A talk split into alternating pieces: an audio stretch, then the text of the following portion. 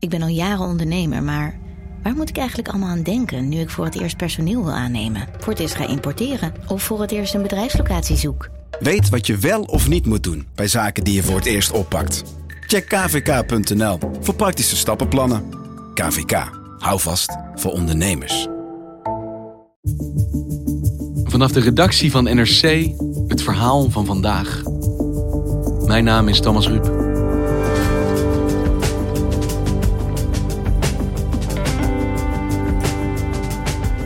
Vandaag staat staatssecretaris Menno Snel van Financiën een zware dag te wachten. Hij moet zich verantwoorden over zijn rol in de toeslagenaffaire, waarbij burgers ten onrechte worden verdacht van fraude.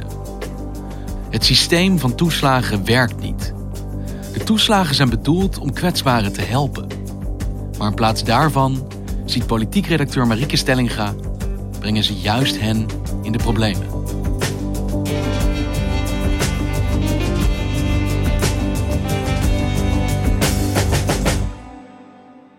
Marieke, heel fijn dat je er bent. Want de reden dat we elkaar spreken nu is een eh, debat wat vandaag staat te gebeuren in de Tweede Kamer. En waar gaat dat nou precies over? Vandaag gaat het vooral over de rol die staatssecretaris Menno Snel van D66 heeft gespeeld in wat is gaan heten de toeslagenaffaire. Het begint rond 2012. De Belastingdienst neemt een rigoureuze beslissing. De kinderopvangtoeslag van zo'n 230 gezinnen wordt stopgezet. Jarenlang zaten mensen in de financiële problemen... door het hardvochtige optreden van de Belastingdienst. In een kruistocht tegen vermeende fraude rond kinderopvangtoeslagen... zijn mogelijk duizenden ouders ten onrechte in grote financiële problemen terechtgekomen. Excuses zijn niet genoeg, dat zei Piet Hein Donner vanmiddag... over de zoveelste blunder van de Belastingdienst. Dit gaat over een zaak waarbij honderden ouders in problemen zijn gekomen. Ze zaten allemaal bij hetzelfde gastouderbureau. En de Belastingdienst vermoedde dat er fraude was en heeft eigenlijk opeens alle toeslagen, kinderopvangtoeslagen die zij kregen, stopgezet. En gezegd: nu moeten jullie maar gaan bewijzen dat jullie daar wel recht, op hadden. Jarenlang moesten ze of van alles terugbetalen of kregen geen toeslag meer. En ik dacht, nou ja, dit is gewoon een vergissing, dus dat zal wel. Uh snel opgelost uh, zijn. De dienst dacht bij iedereen die ook maar één fout maakte dat het om fraude ging, zonder de zaak uit te zoeken. Een aantal ouders moest zelfs hun huis verkopen om de toeslag terug te kunnen betalen. En toen kreeg ik een aanslag in 2014, voor het jaar 2009, dat ik uh, het volledige bedrag terug moest betalen. 18.000 euro. Gedupeerde Joey en zijn vriendin Tamara hoorden het betoog verbijsterd aan. Al tien jaar zitten ze in de ellende. Ze moesten 47.000 euro aan kinderopvangtoeslag terugbetalen. Ze reageren dus niet op het moment dat jij je bezwaar indient, wordt daar niet op gereageerd. Eh, je krijgt verder ook niet te horen waarom je moet terugbetalen. En ondertussen regent het natuurlijk accept-girokaarten. Als je natuurlijk jarenlang of je moet terugbetalen, of je krijgt toeslag niet waar je recht op hebt, of je zit in de probleem met allerlei andere aanvragen voor toeslagen, omdat je hier in deze zaak misschien wel bekend staat als fraudeur. Ja, dat heeft geleid tot enorme financiële problemen. En dat blijkt ook wel uit het bedrag wat Menno Snel nu heeft klaargezet of geraamd om compensatie voor de ouders aan te geven. Dat is 7,5 miljoen euro. Dus de ouders zijn onterecht beschuldigd van fraude door de Belastingdienst? Ja, of onterecht streng behandeld, of onterecht geen toeslag gekregen, of terugvorderingen moeten betalen. Nou, en die ouders, dat heeft echt wel grote persoonlijke problemen veroorzaakt. En met name Trouw en RTL Nieuws hebben de laatste jaren die affaire blootgelegd.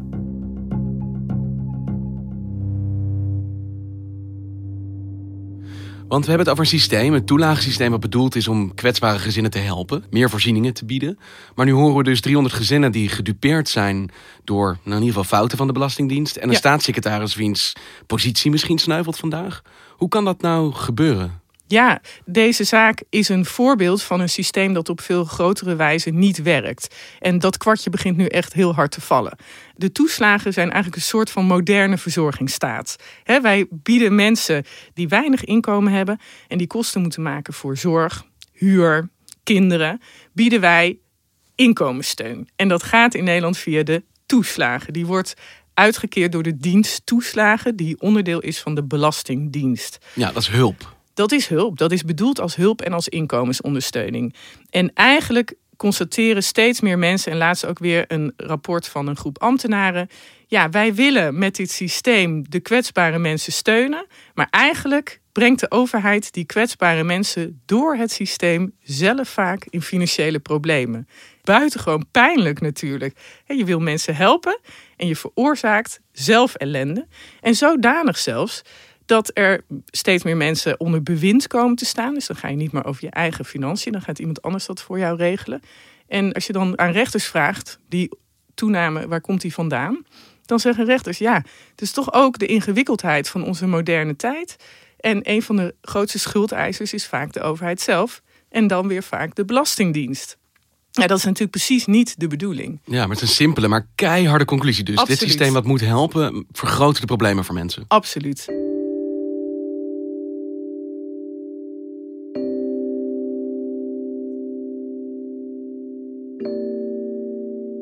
Want waar ligt de basis voor dit systeem? Wie heeft dit bedacht dat Ja. het zo moet gaan? Ja, nou de toeslagen zijn eigenlijk bedacht in 2005 onder het eh, tweede kabinet Balken en de VVD D66 CDA.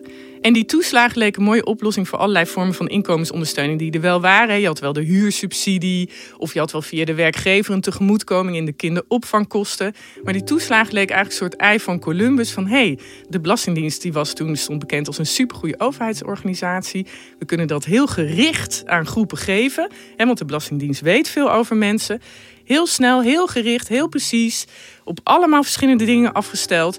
Dus ja, hoera, toeslagen. Hè, we gaan het nu veel beter doen als overheid. Het is zoals vaker bij de overheid met een heel mooi idee begonnen, volgens mij. En is dat dan voor het eerst dat de Belastingdienst niet alleen int, maar nu ook dus Ja, en dat- geeft? Precies. En dat was een enorme toevoeging aan het systeem.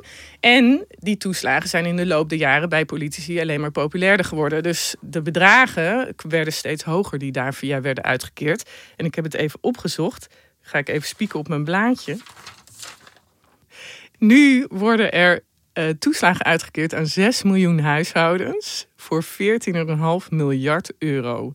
En daarvan gaat ongeveer 1 miljard euro mis en die moet later weer worden teruggevorderd of terugbetaald. Ja, dat zijn natuurlijk immense bedragen. En toen het systeem begon, was dat volgens mij ook helemaal niet de bedoeling in die omvang. Maar wat gaat er dan precies mis? Nou ja, dat is interessant, want dan kijk je naar de geschiedenis en dan zie je dus, het begint bij de toeslagen en die moesten zo snel mogelijk worden uitgekeerd. En zo goed mogelijk en zo precies mogelijk en zonder al te veel gedoe. De burger moest wel zijn geld kunnen krijgen. En dan op een gegeven moment komt er Nieuw woord, de Bulgarenfraude. Wat is dat precies, Bulgarenfraude? Gratis geld in Holland. Gewoon inschrijven op een Nederlands adres en dan huursubsidie of andere toeslagen aanvragen. Het geld incasseren en dan maken dat je wegkomt. Voordat de Belastingdienst erachter komt dat de boel geflest is. Tel Bulgaren, tel Er komen een aantal Bulgaren naar Nederland. Die schrijven zich in op een willekeurig adres. Die openen een eh, bankrekening, eh, vragen toeslag aan, huurtoeslag, zorgtoeslag. En de Belastingdienst controleert pas heel veel later of die mensen daar dan ook eigenlijk wel recht op hadden. Vervolgens zijn die mensen helemaal niet meer terug te vinden en is dat geld foetsie. En het gaat echt om veel geld. nou, Tweede Kamer op de achterspoten, iedereen helemaal hoge ophef. En er moest hard gecontroleerd worden op fraude, want dit was geld voor kwetsbare burgers. Dat werd misbruikt door criminelen. Want die toeslagen waren te gemakkelijk om aan te vragen. Exact. Dus dan krijg je vanaf dat moment, 2013, keiharde controle in dat makkelijk uitkeerbare toeslagensysteem. Dus je gaat al op twee gedachten hinken. Het moet snel, het moet precies. Elke burger moet waar die recht op. Maar er moet ook keihard gecontroleerd worden. Toen zijn er regels bijgekomen die super streng waren. En het zijn die regels die bijvoorbeeld nu ook een rol spelen in die kinderopvangtoeslagaffaire. Namelijk het alles of niets principe. Dus als jij een fout maakt bij je aanvraag van de kinderopvang. en je hebt bijvoorbeeld een week de uren niet goed geadministreerd. dan moet je die hele toeslag terugbetalen. als de Belastingdienst zegt: jij hebt onrechtmatig toeslag gekregen. Maar ja, heel veel mensen die hebben helemaal geen slechte intenties. maar die kunnen bijvoorbeeld heel slecht hun inkomen voor het komend jaar inschatten. omdat ze flexwerkers zijn. En dat is natuurlijk aan de onderkant is het aantal flexwerkers enorm gegroeid. Van 2003 tot 2016 is het van iets van 23% naar iets van 45% van de mensen gegaan. Heeft nu flexwerk. Dus ja, ga jij nou maar eens zeggen wat jij volgend jaar verdient. En als je een beetje meer verdient, dan heb je al minder recht op toeslag. Ja, want simpel gezegd, aan het begin van het jaar vraag je je toeslagen aan. En dan moet je inschatten hoeveel je dat jaar gaat verdienen. En Ja. Dat geld krijg je ook meteen. Ja. Maar vervolgens als blijkt dat je meer verdiend hebt, dan kan jij zomaar aan het einde van het jaar horen, je moet alles weer terugbetalen. Ja, en vaak gaat het om bedragen van 500 euro. Nou, dat is, hè, er zijn ook betalingsregelingen bij de Belastingdienst, dus daar kom je meestal wel uit. Maar juist bij die huishoudens die al vier toeslagen hebben, die dus echt lage inkomens hebben, daar kan het al snel gaan om 2500 euro gemiddeld. Ja, dat zijn natuurlijk immense bedragen om opeens op je bord te krijgen. En daar komen die mensen dus ook door in problemen. En een, een stelsel wat ze zou moeten helpen, maakt ze dan kwetsbaarder. Ik zit natuurlijk helemaal niet in die doelgroep, zeg maar. Ik ben niet een van de kwetsbare Nederlanders. Maar toch merk ik zelf al dat ik de afgelopen jaren een aantal keer toch tegen de lamp gelopen ben. Met zorgtoeslag die ik kreeg terwijl ik daar achteraf geen recht op had. En ik toch schrok van hoeveel ik ineens weer moest terugbetalen. Ja, ik heb hier met mijn collega Egbert Kals een verhaal over gemaakt. En daarin zei ook hoogleraar economie Bas Jacobs... Ja, die, die ambtenaren zeggen mensen met een beperkt doenvermogen en een beperkt denkvermogen hebben last van deze toeslagen. Hè? Die kunnen niet goed met het systeem omgaan. Maar hoogleraar Jacob zei: ja, hallo, ook mensen met denk- en doevermogen hebben moeite met dit systeem. Het is niet te begrijpen. Het is zo complex gemaakt dat hij was zelf een halve dag bezig geweest om de formule achter de huurtoeslag te begrijpen. Een hoogleraar, die is zelf een halve dag bezig. Exact. Dus ook ja, het, ligt niet aan de mensen, het ligt aan het systeem. en dat goed aan het horen. Ja, dus je bent verexcuseerd, Thomas. Maar ehm, daarvoor is die affaire waar Menno snel last van heeft, ook wel goed om te laten zien en te laten doordringen bij iedereen. Er moet echt wat veranderen aan dat hele belastingstelsel.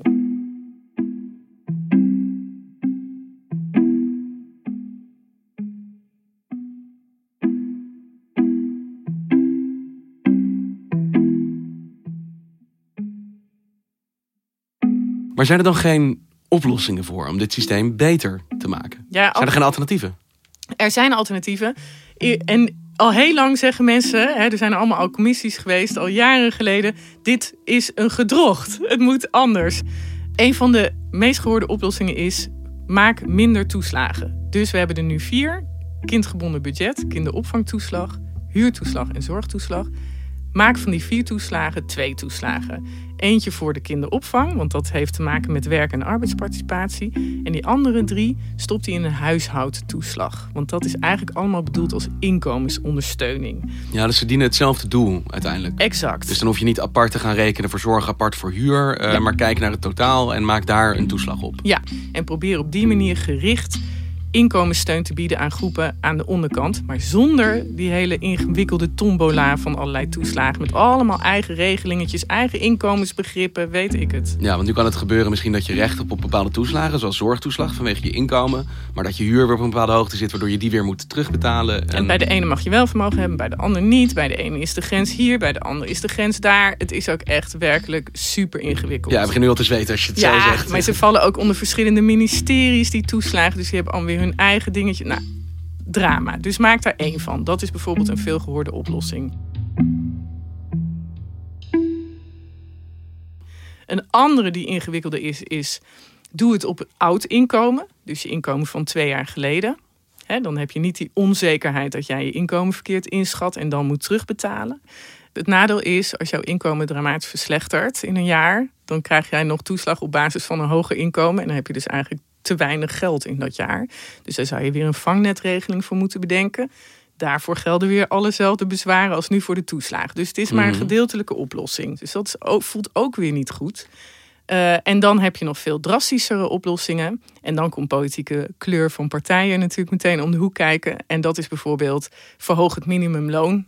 Want dan heb je ook minder toeslagen nodig om mensen voor hun inkomen te corrigeren. Dan gaan de uitkeringen ook meteen omhoog bijvoorbeeld. Of, Want als je dat verhoogt is er minder behoefte aan toeslagen. Exact. Dus dat is een soort afsnijroute waar sommige partijen uh, blij van worden. Andere partijen zijn daar niet meteen voor. En uh, bijvoorbeeld wat uh, GroenLinks en Jesse Klaver laat zei... geef ouders gewoon recht op drie dagen gratis opvang. Punt. Door de kinderopvangtoeslag af te schaffen kan het volgens Klaver deels worden bekostigd. Dat is jaarlijks zo'n 3,4 miljard euro. Maar Klaver geeft wel toe dat er voor zijn plan nog eens 2 miljard euro extra nodig is. Maar dat zijn grotere herzieningen omdat je daar een soort ideologisch vaarwater komt. Nou ja, absoluut. Hoe vind je dat de staat moet georganiseerd zijn? Uiteindelijk is het mega politiek ideologisch. dat zie je ook altijd bij de christelijke partijen en partijen als VVD en PvdA kostwinners versus tweeverdieners. De christelijke partijen, CDA en ChristenUnie, vinden vaak en SGP dat kostwinners benadeeld worden in het huidige belastingstelsel omdat ze relatief wat meer betalen dan tweeverdieners. Het kabinet wil de belastingen volgend jaar met 5 miljard verlagen. Vooral mensen met een baan gaan erop vooruit. Deze maatregelen zijn bedacht om ouders te stimuleren om te werken. Maar voor de christelijke partijen gaat dat te ver. Zij vinden het onterecht dat gezinnen met twee verdieners veel meer profiteren van de belastingverlaging dan gezinnen waar maar één ouder werkt. Zo loop je direct tegen allerlei ideologische politieke overtuigingen aan die rode lijnen zijn en het heel ingewikkeld maken. Je moet technocratisch heel erg onderleg zijn om dit te veranderen. Maar politiek krijg je ook direct allerlei rode vlaggen en rode lijnen en uh, uh, uitslag bij sommige partijen als je iets voorstelt om het te veranderen. Toch vind ik dit altijd zo'n heel lastig moment in het gesprek. Want je beschrijft een systeem wat faalt en waar eigenlijk iedereen, alle instanties er onderzoek naar doen, maar volgens mij ook elke politicus en bijna elke huishouden van vindt, dit zou moeten veranderen. Ja. En toch is dat niet aan het gebeuren op dit moment. Is er geen herziening van dit systeem. Nee, ja, dat komt toch ook omdat de Belastingdienst de afgelopen jaren echt in problemen zat. Ze hebben daar een grote reorganisatie gehad. De Belastingdienst had moeite om gewoon goed te functioneren. Dus de politiek heeft zich een beetje ingehouden om daar nog eens een grote hervorming bovenop te leggen. Daarbij komt, dit is een mega onderneming, maar ook politiek ideologisch heel gevoelig. En daar uh, was ook al even geen ruimte voor. Dus jij denkt dat die grote hervorming die zo nodig is voor zoveel mensen wel echt gaat komen. Alleen nu niet. Nou, Thomas, dat durf ik echt niet te zeggen. Want deze grote hervorming is al een jaar of vijf, acht, tien nodig. Ik zeg het even uit mijn hoofd, want ik weet niet meer wanneer de laatste keren was dat ik hier uh, stukjes over schreef. Maar het is lang geleden. En uh, hij is tot nu toe niet gekomen.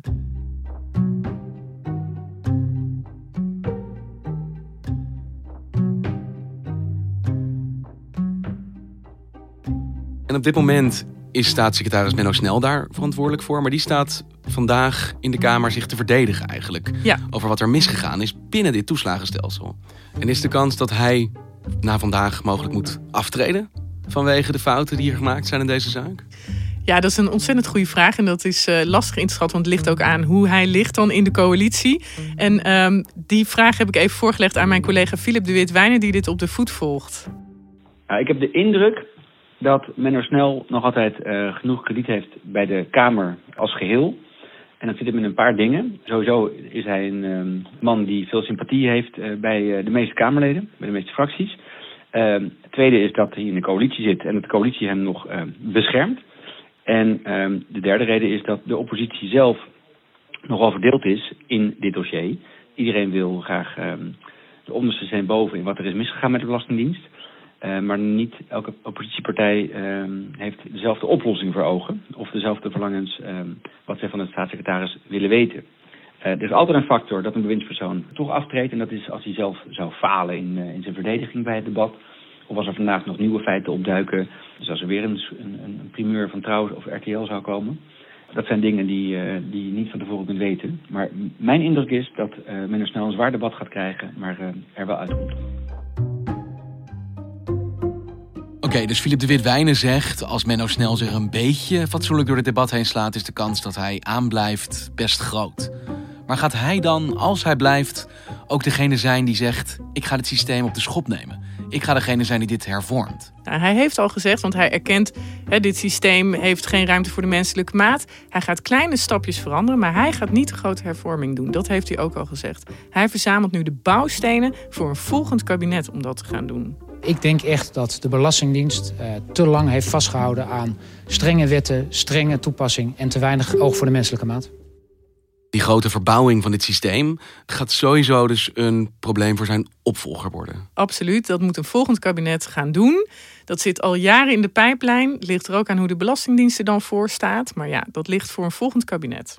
Of zitten we hier over tien jaar weer tegenover elkaar te klagen over hoe onmogelijk dit systeem is? En is het dan nog steeds niet gebeurd? Ik hoop het toch echt niet. En ik denk dat die toeslagen ellende nu zo prominent in Den Haag op tafel ligt... dat het bijna niet te negeren wordt voor een volgend kabinet. Nee, want ik snap dat het heel erg moeilijk is. Alleen als het zo nodig is en al die instanties dat zeggen, dan mag je toch verwachten van je overheid dat ze verstandig zijn en gewoon erkennen: dit moeten we slikken. Dit moet nou eenmaal. Ja, ik verwacht dat ook. Mooie hartenkreet. Maar goed, het is ongelooflijk ingewikkeld om te doen. Je wint er geen verkiezingen mee. Je krijgt er ook geen applaus voor. Dus uh, succes ermee in Den Haag. Iemand zal zich op dit zwaard moeten storten. Absoluut. Dankjewel, Marike. Alsjeblieft.